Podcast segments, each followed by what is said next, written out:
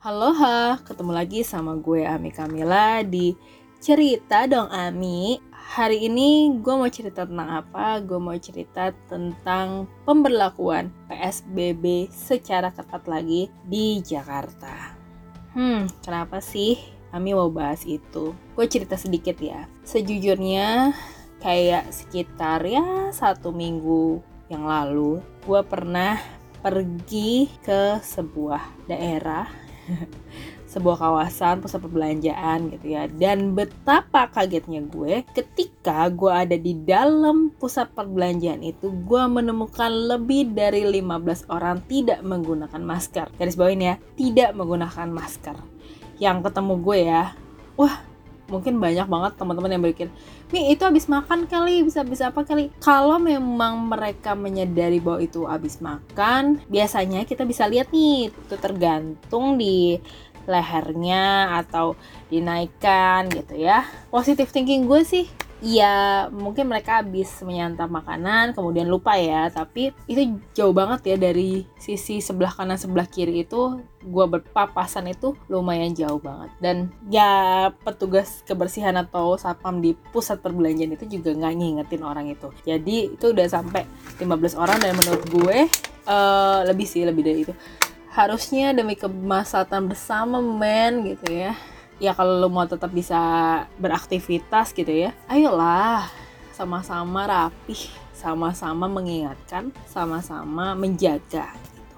kebijakan ini pasti juga keluar berdasarkan pandangan berbagai pihak gue sendiri udah mendengar membaca bahkan teman-teman bisa melihat beritanya apa yang terjadi hari ini dan bagaimana atau reaksi apa dari para tenaga atau pahlawan medis kita. Terlebih gue juga mendengar cerita-cerita dari teman gue yang terjangkit virus COVID-19 ini dan ada yang isolasi di rumah, ada yang dirawat, kemudian ada yang harus kembali, ada yang terpaparnya secara langsung, tidak langsung, semuanya kayaknya gue udah dapat banyak banget cerita hal itu dan uh, ada beberapa yang mereka sampai video call juga sama gue. Tujuan gue bikin podcast ini apa? Segala rasa yang gue sampaikan di podcast sebelumnya itu juga gue rasa kalian juga punya perasaan yang sama, mungkin lebih banyak lagi daripada gue. Tadi saat gue menerima pesan pertama kali bahwa kita harus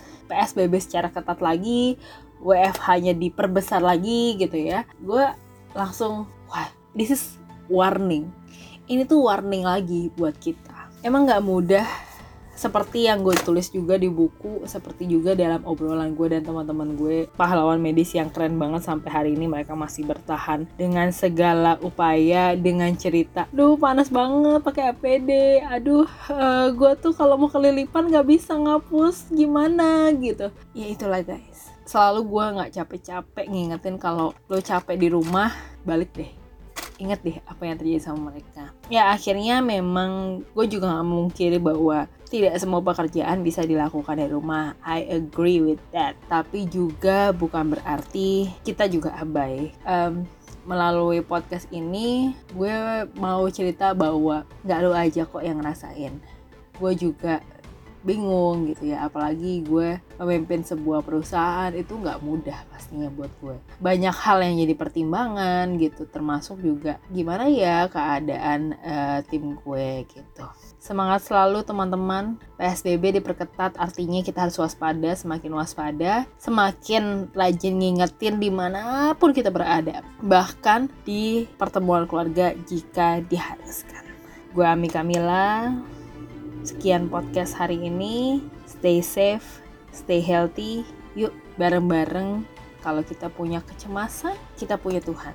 Kita punya Allah. Kalau kita bingung, yuk sama-sama kita cari solusinya. Kalau bingung mau cerita apa, bisa mampir ke Hey Shop Official di Instagram. Dan kalau kamu merasa butuh disemangatin, yuk kita sama-sama bersemangat. PSBB diperketat, bukan berarti kita tumpul dari berkarya, kita berhenti untuk berkarya. Justru di masa ini tantangan itu ada di depan mata lo. Lo mau hadapin atau enggak? Bergerak atau enggak artinya maksud gue bergerak dalam arti lu berkarya menghasilkan sesuatu atau lu diem come on udah 6 bulan men lo mau ngapain lagi kita berhadapan sama virus come on percaya teman-teman pahlawan medis di depan sana dan yuk bantu mereka untuk tetap disiplin dengan diri kita sekitar kita dan orang-orang yang kita sayangi. Sekian cerita dari gue. Semoga kalian selalu sehat.